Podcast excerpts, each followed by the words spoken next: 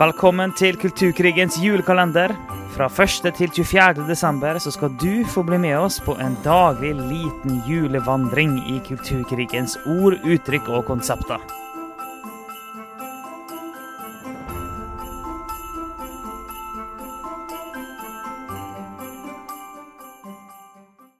Guds ord der og Ja. Yes!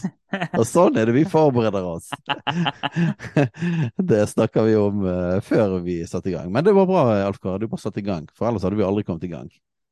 Ja, det, det, jeg, jeg, jeg starta jo bare opptaket, men jeg tenkte at vi kan jo velge å, å um, klippe vekk noen ting. Men du gikk jo rett i modus, du nå. Ja, ja, jeg kjente det Når jeg starta det midt i setninga di.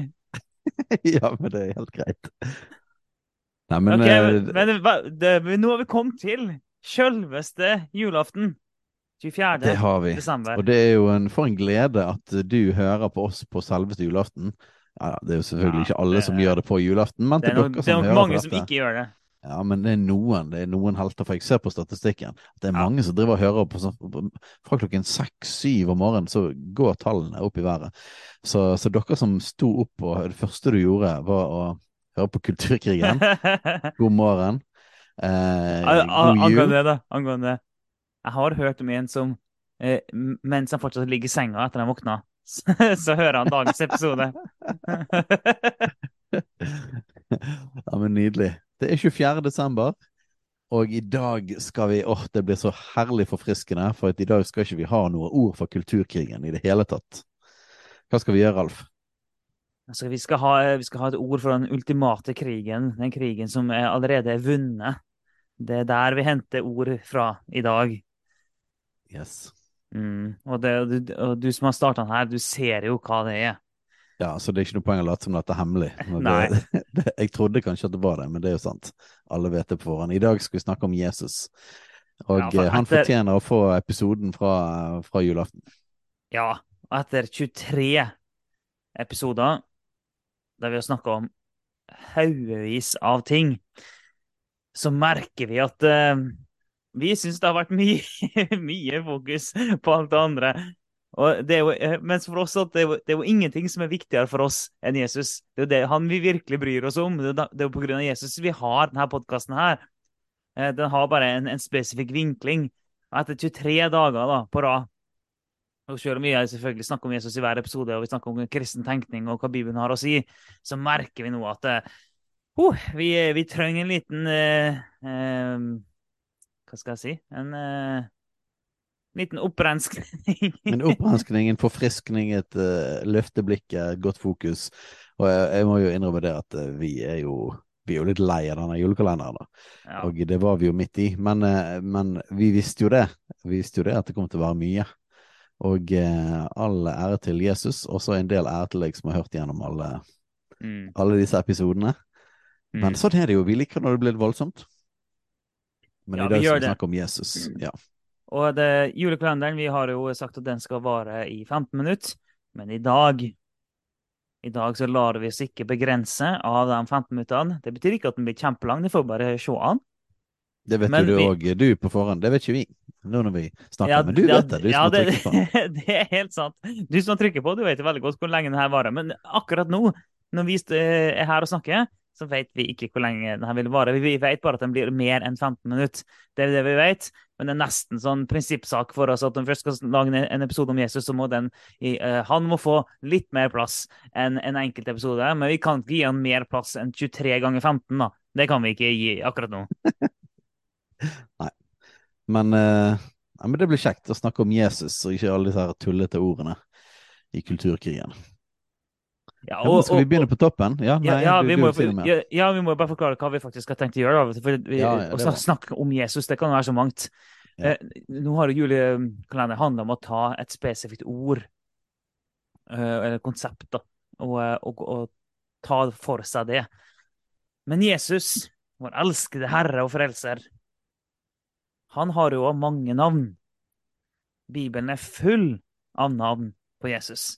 Vi kunne egentlig hatt en egen julekalender med bare navn på Jesus. kanskje skal vi gjøre det neste år? Er, Ja, er det, har du ikke hatt dumt. det, det innså jeg først nå, egentlig, at ja, kanskje det kan være en julekalender neste år. Det får vi se. Eh, om, vi, om vi har lyst til å kjøre en ny julekalender. Akkurat nå har vi ikke så Eller kanskje vi kan ta, kanskje vi kan ta et navn på Jesus i kontrast til noe i kulturen vår. Ja. Oh, For eksempel. Thor. Ja, Ikke men eh, Alf nå gjør vi det som vi alltid gjør. Istedenfor å gjennomføre det vi skal gjøre nå, så lager vi heller en plan for det vi skal gjøre om et år. Eh, ja. for Ja, det, er- det, det, er så mye, det er så mye mer gøy enn å gjennomføre.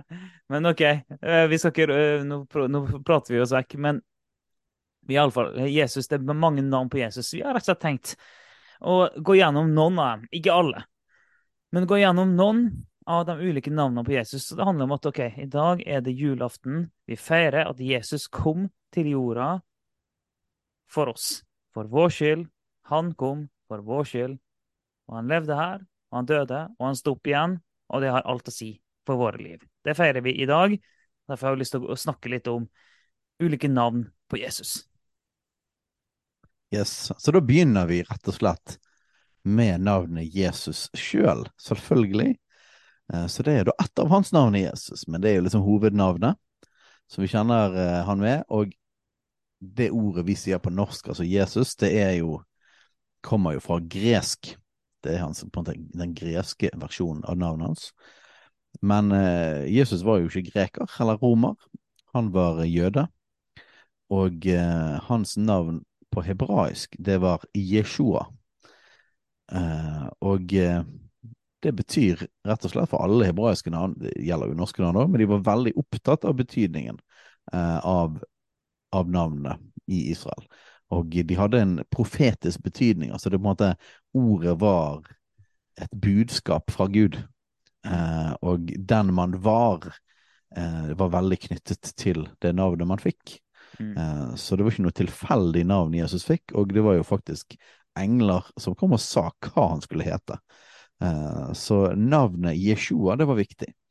Og det betyr Herren frelser, eller Gud frelser. Han er den som redder. Um, og da er jo det koblet eh, Forklaringen på det, kan du si, er jo koblet inn i et vers, Matteus 1,21. Her står det at hun skal føde en sønn, og du skal gi han navnet Jesus, for han skal frelse sitt folk fra deres synder. Så der kommer jo forklaringen på at uh, han heter Herren frelser. Han skal frelse sitt folk fra deres synder. Mm. Så bare i navnet Jesus så ligger det to navn til. Herre og Frelser. Ja. Og Så det er i- fantastisk. Ja, det er det. det. Det sier noe om hvem han er. Han er både vår Herre og han er vår Frelser, og han er begge deler. Han er ikke bare Frelser, han er ikke bare Herre. Han er både Herre og Frelser. Og det ligger i sjølve navnet hans. Og så, og så er det frelser er jo et, det er jo et ord som vi brukte mer i norsk språk før. Det å frelse noen. Eh, eller frels meg. Nå er det på en måte litt nesten sånn utelukkende kan du si, kristen eller religiøs betydning. Eh, men det kommer jo egentlig fra norsk dagligtale. Det betyr å redde. Ja. Eh, og, eh, og da er jo spørsmålet hva er det han skal redde oss fra? Og da forklarte jo det verset han skal frelse sitt folk fra deres synder. Han skal redde oss fra vår synd. Mm. Og der ligger jo på en måte kjernen i hele I navnet Jesus så ligger kjernen i hvem han er, og hva han skulle gjøre. Han kom til jorden, og det er jo det vi feirer i julen. Han kom til jorden for å redde oss fra vår synd. For det at Bibelen sier at vi har alle syndet og står uten ære for Gud. Det betyr at vi alle sammen trenger nåde og tilgivelse og redning fra vår synd. Mm. Og det var det Jesus kom for å gjøre. Det står eh, et annet plass så står det i Apostelgjerninger 4,12 Det er ikke frelse i noen annen, for det finnes ikke noe annet navn under himmelen gitt blant mennesker som vi kan bli frelst med. Så Jesus er frelseren, han skal frelse oss for våre synder, og det finnes ingen andre som kan redde oss. Det er kun Jesus. Det er kun Jesus. Og hvis du i dag hører den her, og du, eh, la oss si at du kanskje hører den her tidlig på morgenen, og du senere på dagen har tenkt å lese juleevangeliet, som det så fint kalles, så vil du da blant annet lese i Lukas 2, vers 11, at i dag er det født dere en frelser, som er Messias, Herren, i Davids by. Så der er jo at han er, han er en frelser som er Messias, Herren. Som bare enda flere navn. Og Sånn ser vi på Jesus igjen og igjen. Det er stadig sånne ulike navn og uttrykk som kobles på Jesus. Men i dag så er det født nok en frelser. Og for oss kristne, jul er fint. Vi vil jo egentlig si at påske er jo egentlig eh, høytid nummer én da, eh, for oss kristne. For det, det, det, hadde ikke hjulpet om Jesus bare var født, eh, om han ikke hadde dødd for våre synder og stått opp igjen. Så sånn sett er jo påsken det aller, aller viktigste for oss kristne. Men tradisjonelt da, så er det jul som er viktigst for nordmenn. Og vi skal definitivt feire jul òg. Det er kjempeviktig. Det hadde ikke blitt noe oppstandelse hvis han ikke hadde kommet. Så det henger jo sammen. Så når vi feirer jul i dag, så er vår oppfordring ha det klart og tydelig for deg hvem Jesus er, hva han har gjort, hva det har hatt å si. Og la oss virkelig la det julaften være en dag hvor vi er i sånn dyp, dyp takknemlighet til Jesus. Og det sto òg det at han var frelser, som vi har snakket litt om da. Men så står det at han er Messias, og det er kanskje et, eh, et begrep som man har hørt, um, og som kristne kjenner. Men hva er egentlig Messias? Altså han var, Messias var den kongen som jødene ventet på. Mm. De hadde fått løfter, profetiske ord, eh, gjennom flere hundre år om at en dag skal det komme en frelser, en som skal redde dere, som skal redde folket. Eh, og han skal være salvet. Og det er det Messias betyr. Eh, Meshia på hebraisk betyr salvet. Og det betyr helt spesifikt at han var salvet med olje, eller salvet med Den hellige ånd. Når konger ble innsatt som konge, så fikk de helt olje over seg. Eh, og det var et tegn på at Den hellige ånd skulle komme over dem. Så Messias var altså den salvede eh, og en ny konge. Så de ventet på en ny konge. Mange trodde det at han skulle komme som en politisk konge. Han skulle komme og frelse dem fra romerne. Men sånn som vi har vært inne på flere ganger faktisk i kulturkrigen, så kom ikke Jesus for å, å mane til kamp mot regimer og menneskelige systemer, eller skape en revolusjon. Men han kom som en konge som skulle frelse oss fra synden, og eh, for at vi skulle bli fri på innsiden. Det var det Jesus kom med. Så Jesus, den salve der, var altså kongen som skulle komme og frelse oss. Og en del av, av dette at han var Messias, han var salvet, var det at han òg kunne gjøre mirakler. Eh, og at han helbredet de syke, kastet ut de onde ånder, vekket opp døde, multipliserte mat, gikk på vannet osv. Og, så og det var en del av det å være Messias, den som var salvet. Ja, og hvis Jesus er Messias og konge, så er han også herre. Og i eh, i Filippebrevet 2,11 står det at og hver tunge skal bekjenne at Jesus Kristus er Herre, til Gud Fader kjære. Så hver tunge skal bekjenne at Jesus Kristus er Herre. Hver tunge skal bekjenne at Jesus Kristus er Herre. Det er noe han er, og det ligger navnet hans òg, men han er Herre. Og igjen, i, i, i eh, Romerbrevet 10,9 så står det jo For dersom du med din munn bekjenner at Jesus er Herre, og i ditt hjerte tror at Gud reiser ham opp fra de døde, da skal du bli frelst. Ofte når jeg forkynner ut fra det verset her, så pleier jeg å, å, å si det at eh, veldig mange har hørt om at eh, det har blitt sagt at eh, dersom med din munn bekjenner, eh, og du i ditt hjerte tror, eh, så skal du bli frelst. Og så tenker mange ja, det er det som står. Altså, ja, men Det som egentlig står, er at for dersom med min, du med din munn bekjenner at Jesus er Herre, og i ditt hjerte tror at Gud reiste dem opp fra de døde, da skal du bli frelst. Så her henger sammen både Rombrevet 10,9 og det er nettopp sammen med Filippebrevet 2,11. Sånn, og hver tunge skal bekjenne at Jesus Kristus er Herre. For noen kan det, det Ordet Herre kan kanskje være skummelt for noen, fremmed for andre. Det kan være ulike assosiasjoner til det ordet. Heldigvis er Jesus en god herre. Han er rettferdig herre. Han er en kjærlig herre. Men han er likevel herre. Han er likevel vår herre.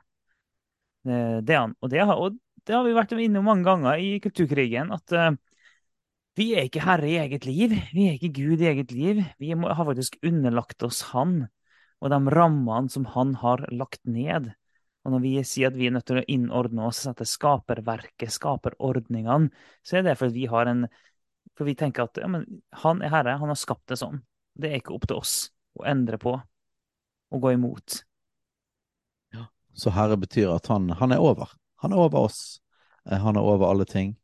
Og vet du hva, det er en glede for oss å erkjenne det. Um, Gud står de stolte imot, men de ydmyke gir han nåde. Så vi eh, med glede ydmyker oss at Jesus, han er herre, han er sjef, han er over. Og heldigvis er han god. Han er ingen ond herre, han er en god herre. Mm. Men det betyr at vi faktisk med glede underordner oss Jesus. Og det ordet underordne seg er en sentral del av det å være en kristen. Vi bøyer oss for Han. Og det er en glede, det er en frihet faktisk, i å bøye seg for Jesus. Det er det. Det er det. Og i, eh, videre, vi, eh, når vi leser inn i eh, åpenbaringen, for, eksempel,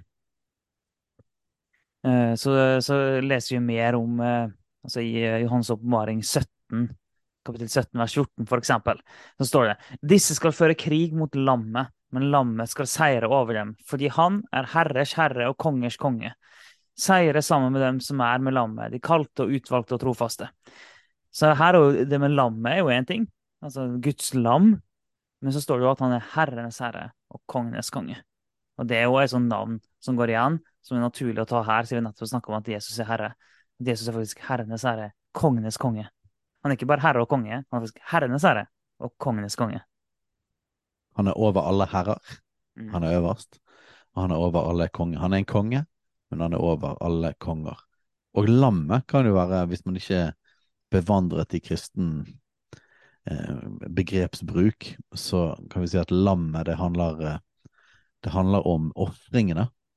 Um, og i Israel så var det sånn, før Jesus døde på korset, eller teknisk sett helt fram til år 70, men det skal jeg ikke ta detaljene på. Men det var sånn i, eh, i Jødene de ofret dyr for folkets synder, og eh, man ofret òg blant annet et lyteløst lam, altså et lam som var helt perfekt, til, som betaling for ens egne synder. Og så når Jesus ble beskrevet som lammet, så betyr det at han ble ofret. Han ofret seg sjøl, eh, og han var uten synd men han ble ofret for alle mennesker for å betale vår synd. Det er det det betyr, at han er lammet. Ja. Og videre i eh, Johans åpenbaring så kan vi også lese om eh, litt andre navn på han. I Johans åpenbaring 19, eh, vers 11 til 16, så står det at Og jeg så himmelen åpnet og se en hvit hest, og han som sitter på den, heter trofast og sannferdig. Og han dømmer og strider med rettferdighet. Hans øyne er som en ildslue. På hans hode er det mange kroner. Han har en innskrift med et navn som ingen kjenner uten han selv. Han er iført en kledning som er dryppet i blod, og hans navn er Guds ord. Hæ- Hærene i himmelen fulgte ham på hvite hester, kledd i fint lin, hvitt og rent. Ut av hans munn går det et skarpt sverd, for at han med det skal slå hedningfolkene. Han skal styre dem med jernstav. Han tråkker vinpresten med Guds den allmektiges strenge vredes vrin. vin. På sin kledning og på sin hofte har han et navn skrevet, kongers konge og herres herre. Og når vi hører det, så kan vi tenke wow, det her, her var det voldsomme greier. Nå skal ikke vi gå langt inn i en eh, apokalyptisk eh, digresjon her, det skal vi ikke. Men, eh, men vi skal likevel eh, drøse litt rundt det som står her. Det står som at eh, han som sitter på den hvite hesten, han heter trofast. Han heter sannferdig. Eh, Så videre at eh, hans navn er Guds ord, for eksempel. Og det ble også avslutta med På sin hofte har han et navn skrevet. Kongers konge og herres herre. Og det er viktig at vi, at vi har en helhetlig Guds, et helhetlig gudsbilde og forståelse av personen Jesus og hele guddommen. Og eh, Gud er full av nåde, full av kjærlighet, full av tålmodighet, full av barmhjertighet. Det står masse om det gjennom hele Bibelen. Men han er òg hellig, han er òg rettferdig, han er òg en dommer. Um, han er òg herskarenes gud. Hva, hva betyr det? Nei, det betyr at han er sjef for eh, hærstyrkene. Mm. Eh, og her, har vi lest litt om at det går sverd ut av munnen, og i verset før at han fører krig. Um, så Gud er òg den mektige og den farlige. Men uh, ja, jeg kan ta det bildet nå. Eh, Jeg pleier ofte når jeg snakker om det her med, med disse sidene av hvem Jesus er, eller hvem Gud er, pleier å trekke fram en historie om um, John F. Kennedy, presidenten i USA. Uh, og så er det en historie om der sønnen hans, J. John, kom løpende inn. Hvis jeg husker rett, så var det en direktesending fra det ovale kontor. Og så kom han løpende inn, og så satte han seg på fanget til faren. Uh, og jeg synes Det var et utrolig bilde, og folk ble veldig rørt av hele den situasjonen. Sant? For det var, det var så, så, fint å se det som var verdens mektigste mann. For presidenten i USA er jo verdens mektigste mann, sånn rent politisk. Og, ehm, og, hvis du prøver å komme deg inn på i Det hvite hus eller Det ovale kontoret, og du ikke har eh, lov til å være der, så blir du stoppet ganske brutalt, for å si det sånn. Eh, det er farlig, fordi at du kan ikke, du kan ikke bare tulle og snike deg inn der. Så så, så, verdens mektigste mann, som det var farlig å, å, nærme seg hvis du ikke hvis du var hans fiende, eller noen som ikke hørte til der.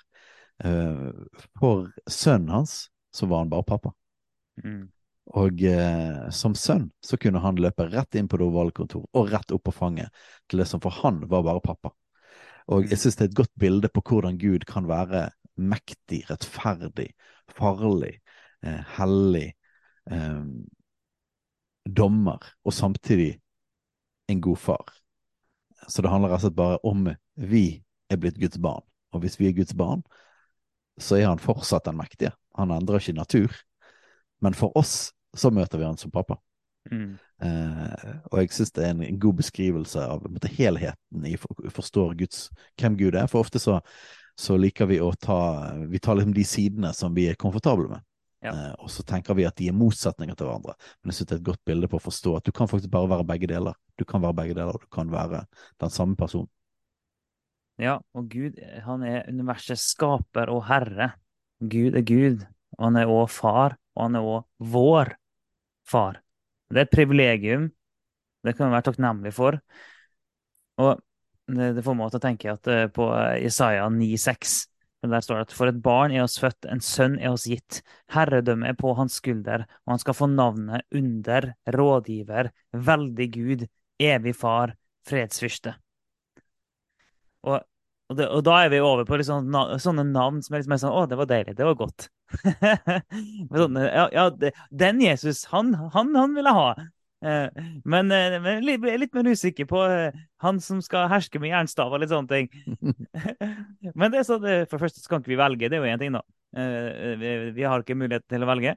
Men, men, men, Jesus han er en god herre, og Gud er en god far. Og det ligger til grunn. Ja. Fredsfyrste er jo utrolig fint, da. Ja. Han er den som er full av fred. Han er på en måte han er den som er fred personifisert. Ja. Eh, og, og, da snakker ikke vi bare om litt sånn politisk eh, fred, eller For i sted var jo han førte han krig, så han fører krig mot ondskap. Men han er personfred. Der han hersker, der er Guds fred. Eh, og for de som kjenner han, blitt kjent med han, har tatt imot nåde og tilgivelse for synder, blitt Guds barn, så har vi fått hans fred på innsiden.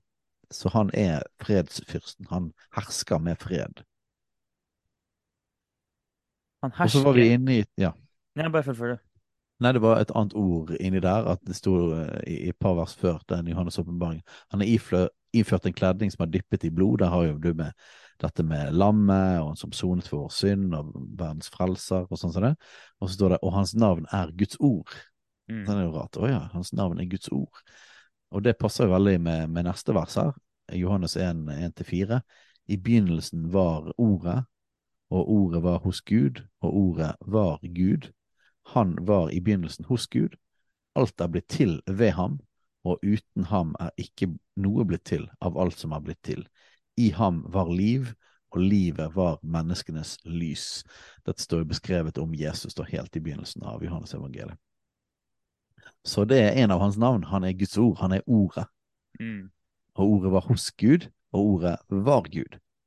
Og han har rett og slett skapt det. For Gud, det står helt i begynnelsen Helt i begynnelsen av Bibelen så står det at uh, jorden var øde og tom, og så sa Gud bli lys, og så ble det lys. Og så står det at han skapte verden gjennom å tale ut, si ut. Um, og i skapelsen så Og dette er jo et mysterium for oss, men det er sånn Bibelen beskriver det. I skapelsen så er Jesus det ordet som Faderen sier ut. Så Jesus var bles Jesus skapte. Så Faderen, Sønnen og Ånden, så sto det at Guds ånd svevde over vannet. Eh, så, så, verden ble skapt gjennom dette samarbeidet mellom Faderen, Sønnen og Ånd. Og Jesus sin funksjon i dette var at han var ordet som skapte. Alt er blitt skapt ved ham. Og nettopp fordi at han er ordet, hans navn er Guds ord, eh, nettopp derfor så, så, er det så avgjørende viktig for oss når vi snakker om Bibelen, at det er ikke bare en bok. Det er faktisk Guds ord. Bibelen er faktisk Jesus sjøl. Det, sånn, det er Guds ord gitt til oss. Og det må vi ta på alvor som kristne. En interessant ting her, da, for å koble med kulturkrig-ting, at vi har jo snakket om ord som våpen i kulturkrigen, og om sosial konstruksjon, og hvordan postmodernistene på en måte vil skape ting med ord, og bruker mm. ord til å omforme måten vi tenker på, måten vi eh, hevder på. Og du kom jo med dette geniale ordet som er blitt et begrep for oss, da. Dette med guddommelig konstruksjon, i mm. motsetning mm. til sosial konstruksjon. Så postmodernistene de var inne på noe med ord. Ja. touchet borti noe av det som handler om skapelsen å gjøre. Men i stedet for å forholde seg til at når Gud talte, og så skapte han, og da skapte han noe som faktisk er, skal, bli, skal bestå, og er bestående for evig, eh, det er guddommelig konstruert, mm. eh, så tenker de at eh, nei, dette er ikke Gud som har skapt med ord, så vi kan like gjerne omskape, dekonstruere og sosialt konstruere på nytt. Eh, men det man gjør da, det er at man setter seg i Guds sted og istedenfor å forholde seg til det Gud har talt ut og skapt, så vil man egentlig være Gud sjøl og skape og konstruere med sine ord. Så det er noe sånn her dypt ja, jeg prøver å ikke bruke ordet satanisk, men jeg kommer ikke, jeg kommer ikke, jeg kommer ikke på noe bedre ord. Det er anti-Gud, da. Ja. Eh, altså det er motsetning av å på en måte forholde seg til Gud som skaper, er det å, er det å begynne å skape sjøl. Mm. Vi, vi, det står om bruken av ord i, gjennom Bibelen og tungen, og hvordan vi kan tale ut velsignelse og forbannelse. Og det er meningen at vi som kristne skal fortsette måte, å tale ut og si, skape, men det, da skal vi skape i, i tråd med det, det Gud allerede har sagt han har talt, mm. eh, med Han som Herre. Vi har ikke lov til å begynne å gå på egen hånd og skulle drive og være Gud, men, vi, men med Gud involverer oss i, skap, i skapingen mm. eh, og, og, tale ut. Eh, for eksempel så, så, ber han oss tale ut helbredelse, for eksempel, når, når Jesus lærer eh, sine disipler å helbrede de syke, står det om håndsprotegelse, så, så, så taler han også ut Vær frisk fra din plage, sa eksempel Jesus. Og så lærte han disiplene å gjøre det på samme måten. Så da kan du si at vi blir en del av dette med at Gud skaper, Gud taler ut, og når man taler ut, så skjer det noe. Eh, så det skal vi være en del av. Så vi skal skape med våre ord, men da på linje med Gud. På linje med det Gud allerede har talt. Så det er litt interessant at, at postmodernismen på en måte toucher litt innom dette her med ord. Eh, mm. Og, da, og, da, er de borti noe som handler som er sånn dypt i, i, i skaperverket. Da. At alt ble skapt gjennom ord, men så blir det forvridd eh, og blir egentlig demonisk, eh, for det går imot Guds ord. Ja, og postmodernismen vil jo rive ned rammene, vil jo ha et rammeløst samfunn. Og det står i en solid kontrast til denne ramma som Gud har gitt oss. Det, yes. Nøkkelen ligger i det du sa, å skape i tråd med Guds ord innenfor de rammene. Men et annet, eh, et annet navn på, på, en måte på Jesus eh, kan vi f.eks. finne i Johannes 10, 11. Der, der sier Jesus sjøl at eh, 'jeg er den gode hyrde'. Og den gode hyrde setter sitt liv til for fårene. Så Jesus sier at 'jeg er den gode hyrde', og hva er en hyrde? Jo, en gjeter. Og hva gjør en gjeter? Jo, den gjeter sauene. Hva vil det si? Den passer på sauene. Beskytter dem fra farer, gir dem det de trenger, leder dem på veien dit han skal. Det er det en gjeter gjør. Eh, og Jesus sier at det er det han gjør med oss. Han leder oss, han gir oss det vi trenger, og han beskytter oss fra farer. Men han er ikke bare en gjeter, eller bare en hyrde. Han, sier, han er også den gode hyrde. Og det toucher litt inn på det vi snakka om i stad. Han er ikke bare herre, han er en god herre. For det finnes. Det, det, det, altså det går an å være en fæl hyrde. Det går an. Men Jesus, han er den gode hyrde. Ja, han er jo en ganske heftig hyrde, da. For han setter sitt liv til for fårene. Så han er villig til å Ja. ofre livet sitt for sauene. Og det er jo ikke helt vanlig, iallfall hvis du ikke er en eh, Hvis du er bare en sånn ansatt eh, hyrde, da, og ikke eier sauene sjøl, så er det jo tvilsomt at du vil gjøre det. Men til og med, jeg tror ikke jeg ville ofret livet mitt for eh, Jeg ville ikke ofret livet mitt for hunden vår engang, selv om jeg er glad i han. ja. Eh, så her er det på en måte sånn hyrde på et heftig nivå, da. At han er villig til å gi livet sitt Mm. for å passe på disse sauene. Så er det jo et, eh, et den mest kjente salmen på Gamle testamentet. Det er jo salme 23. Herren er min hyrde, jeg mangler ingenting. Og så handler den salmen om hvordan det er å være sau med Gud som hyrde. Og det er bra greier. Han leder oss til hvilens vann og alt mulig bra ting. Eh, så der er liksom en mer sånn kan du si, mer sånn oppmuntrende side av hvem Jesus er. Og så står det òg om at, at eh, videre i det kapittelet Johannes 10 så står det at eh, jeg kjenner mine, og mine kjenner meg. Så, så her er det sånt, et, et nært, nær relasjon mellom sauene og hyrden. Eh, og så sier han òg at eh, mine får høre min røst, og jeg kjenner dem, og de føler meg. Så vi kjenner igjen stemmen til hyrden, og vi vet at han vil oss godt. Mm. Så når han snakker, så bare vet vi det at ja, men han er en god hyrde. Han har passet på meg. Han har gjort så mye godt for meg. Han har gitt meg gress og vann og alt jeg trenger. Så når hyrden sier 'kom her', eller 'gå der', eller 'ikke hopp ut i den grøften', ja, men da stoler jeg på hyrden. Fordi at eh, han er god. Yes. Det gjør vi. Videre i Johannes eh, neste kapittel, Johannes 11, 25, så sier Jesus at eh, jeg er oppstandelsen og livet. Den som tror på meg, skal leve om han enn dør. Så Jesus han er oppstandelsen, og han er livet. Og Vi har nettopp snakka om at han er en god hyrde som gir sitt liv. Og så er han oppstandelsen.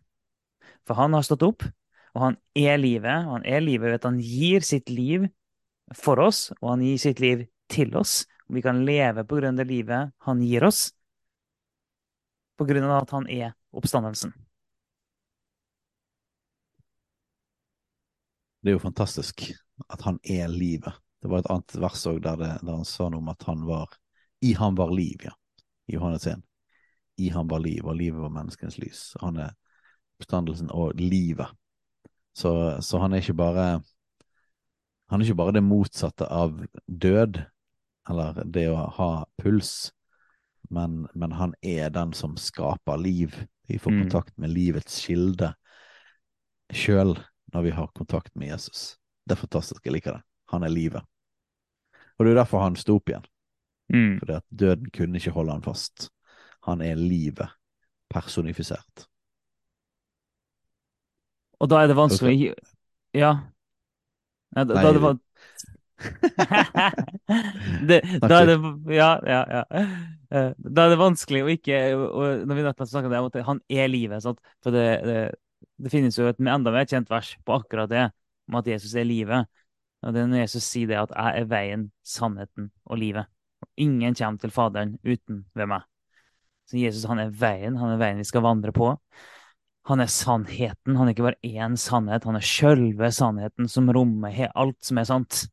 Han er sjølve sannheten, og han er livet. Jesus som person er alt det her. Jesus er veien personifisert, han er sannheten personifisert, han er livet personifisert. Alt det her er Jesus, og enda mer. Ja, og bare dra litt mer postmodernisme inn i dette, siden at det er kulturkrigen i kontrast til Jesus, da. Så er det sånn at vi alle har hver vår sannhet. Mm. Eh, finnes det objektiv sannhet? Kan mennesker kjenne sannheten, eller er det umulig? Ja, som kristne så tror vi det. For vi tror det at essensen av sannhet, er personen Jesus. Han Ja. er sannheten. Han er livet. Og eh, det betyr at det han sier, det er sant, med stor S. Det er så sant, det Jesus sier, at han skaper virkeligheten med sine ord. Og igjen så blir det Igjen så er postmodernismen inne på noe. For det er sånn at du kan skape din egen sannhet. Nei, vi kan ikke det, men Jesus kan. Mm. Han skapte sannheten, så sannheten er det han ville og det han sa. men det er ingen andre som kan konstruere sin egen sannhet. Men Jesus, og for så vidt Faderen, Sønnen og Den hellige ånd, de konstruerer sannheten. De er sannheten. Alt det de er, det er det som er virkeligheten og sannheten. Og Derfor eh, kan eh, aldri vi kristne gå med på at det er min og din sannhet, at sannheten er relativ. For vi har ikke alle vår egen lille Jesus, sånn som vi vil at han skal være. Og vi alle har vår egen lille versjon av Jesus på toppen av livet eh, vårt, på en måte. Toppen av kransekaken vår. Nei. Jesus, han er alt og alle. Jesus, han er herre. Han er kongenes konge, herrenes herre. Jesus er livet. Og Jesus er sannheten. Og det finnes bare én sannhet, og det er Jesus. Så ingen, som, som kristne så kan ikke vi, vi, vi akseptere det med at uh, min og din sannhet Det funker ikke. For Jesus, han er én. Han er fast. Og så er han veien òg. Mm. Og, og, så står det på slutten av verset, i begynnelsen sier han 'jeg er veien' sånn til livet. Så ja, altså 'jeg er veien'. Og så står det på slutten 'ingen kommer til Faderen uten ved meg'. Så det betyr at han er veien til Faderen. Han er veien man går på for å komme til Faderen. Så vil vi ha kontakt med Gud, vil vi ha kontakt med Far, så er Jesus veien. Det er veien å gå. Eh, noen har sagt det finnes mange veier til Gud. Uh, Da går du litt mer inn i type sånn der uh, New Age og ja, Nå glemte jeg begrepet på det. At de som tror at det finnes mange veier til Gud. Um, men eh, det slår jo Jesus veldig tydelig fast, at det finnes ikke mange veier. Um, Nei, og det er kun én vei, og det er Jesus. For Han sier jo sjøl at han er veien sånn til livet, at ingen kjente Faderen uten meg. Og vi nevnte jo veldig tidlig i episoden eh, fra Apostelens gjerning om at det ikke finnes frelse i noen andre. Det er bare eh, ved Jesus eh, en kan bli frelst. Og så tenker jeg på at Jesus han er veien, men han er mellommann. Ja. I 1. Eh, Timoteus 2,5 står det at for det er én Gud, og det er én mellommann mellom Gud og mennesker, mennesket Kristus Jesus. Så Jesus han er veien, og han er mellommann, og han er den eneste mellommannen. Én mellommann. Det er mennesket Kristus Jesus. Ja. Vi kan ikke komme i kontakt med Gud uten gjennom Jesus. Og eh, i tilfelle noen lurer på oi, mennesket Jesus, menneske Kristus Jesus, var, var, Jesus bare et menneske? Nei, Guds ord er veldig tydelig på at Jesus var et menneske, og han er Gud. Eh, og Så det vi sier, er at han er 100% Gud, 100% menneske. Og hvis man tenker det at ja, men det regnestykket går ikke opp, så er det det Bibelen beskriver, og vi tror det Bibelen beskriver. Så han, er, han har alltid vært til. Står, han fra, i ordet. Han, han, var med å skape verden. Ingenting er blitt til uten gjennom han. Så det er helt åpenbart at, at Jesus er mer enn et menneske. Men han ble et menneske, og det er jo for så vidt det jul handler om.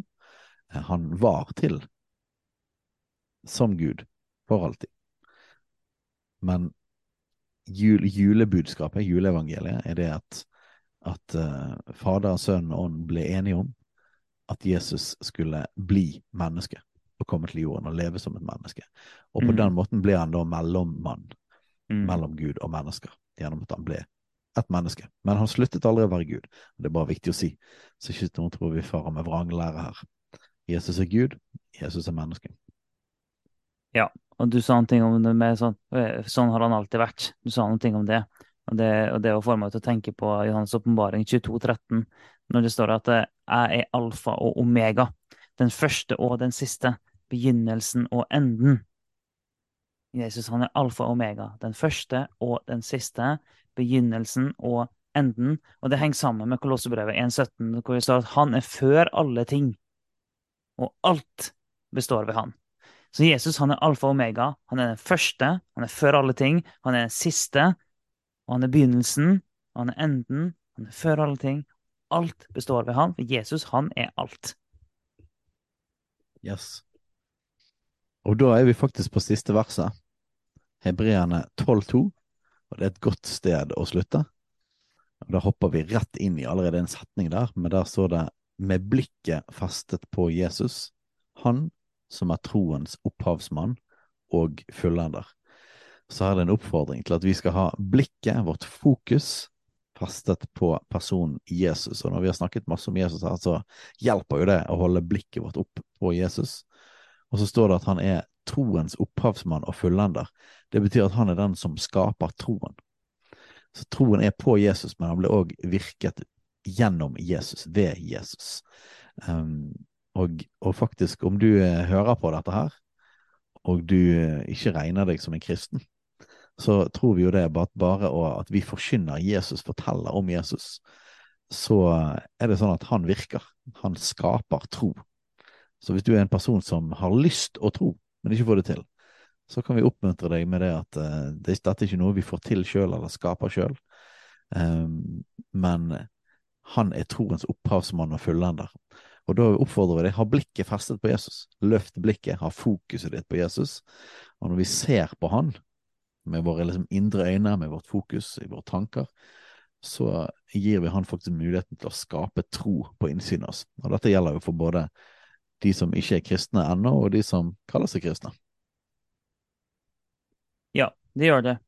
Og det her er jo ikke en uttømmende liste over alle, alle bibelvers som beskriver Jesus. Det er ikke en uttømmende liste over alle navn på Jesus. Det finnes masse, masse mer. Eh, det, men det, det har vi ikke tid til å gå inn på nå. Nå hadde vi lyst til å ta et knippe av det.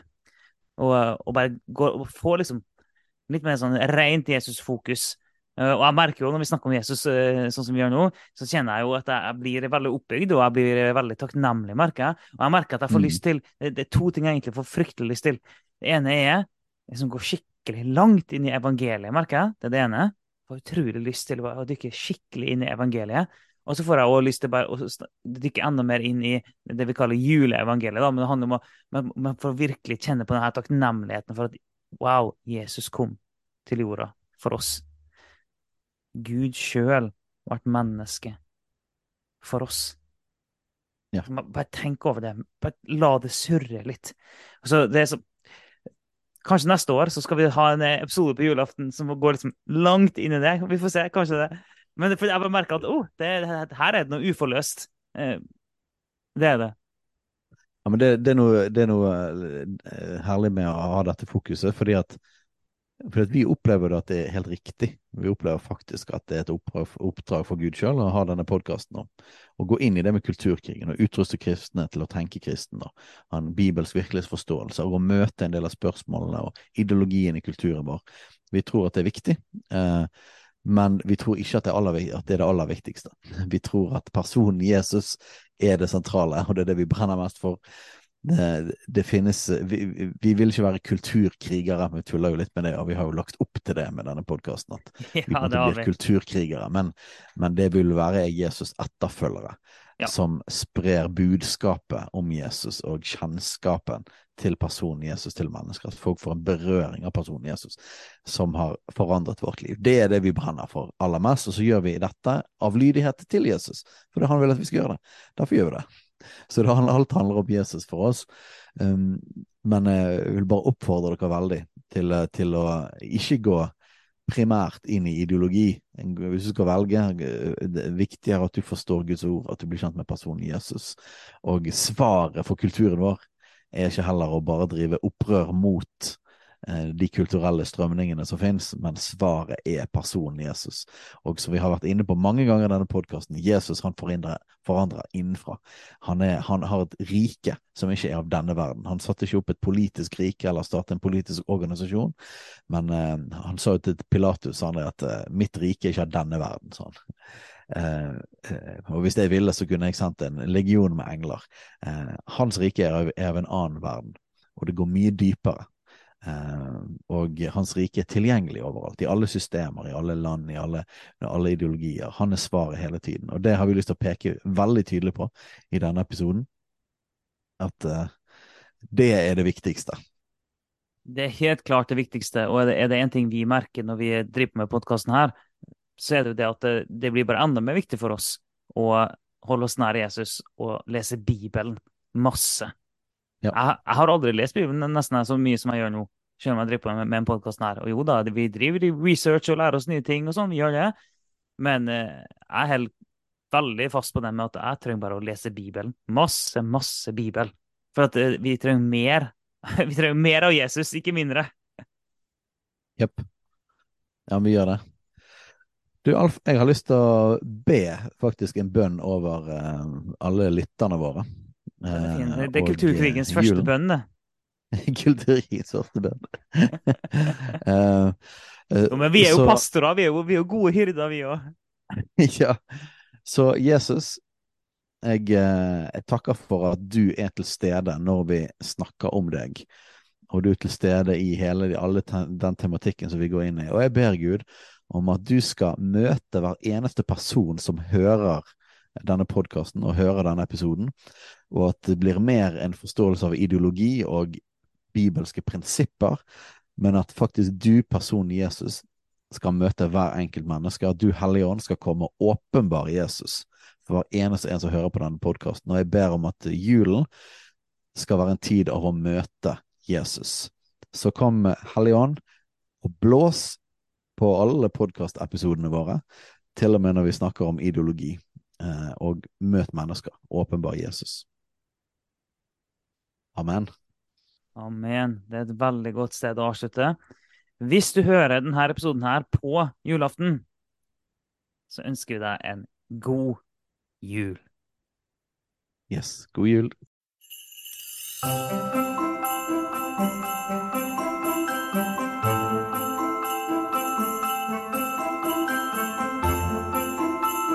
Takk for at du hørte på Kulturkrigens julekalender.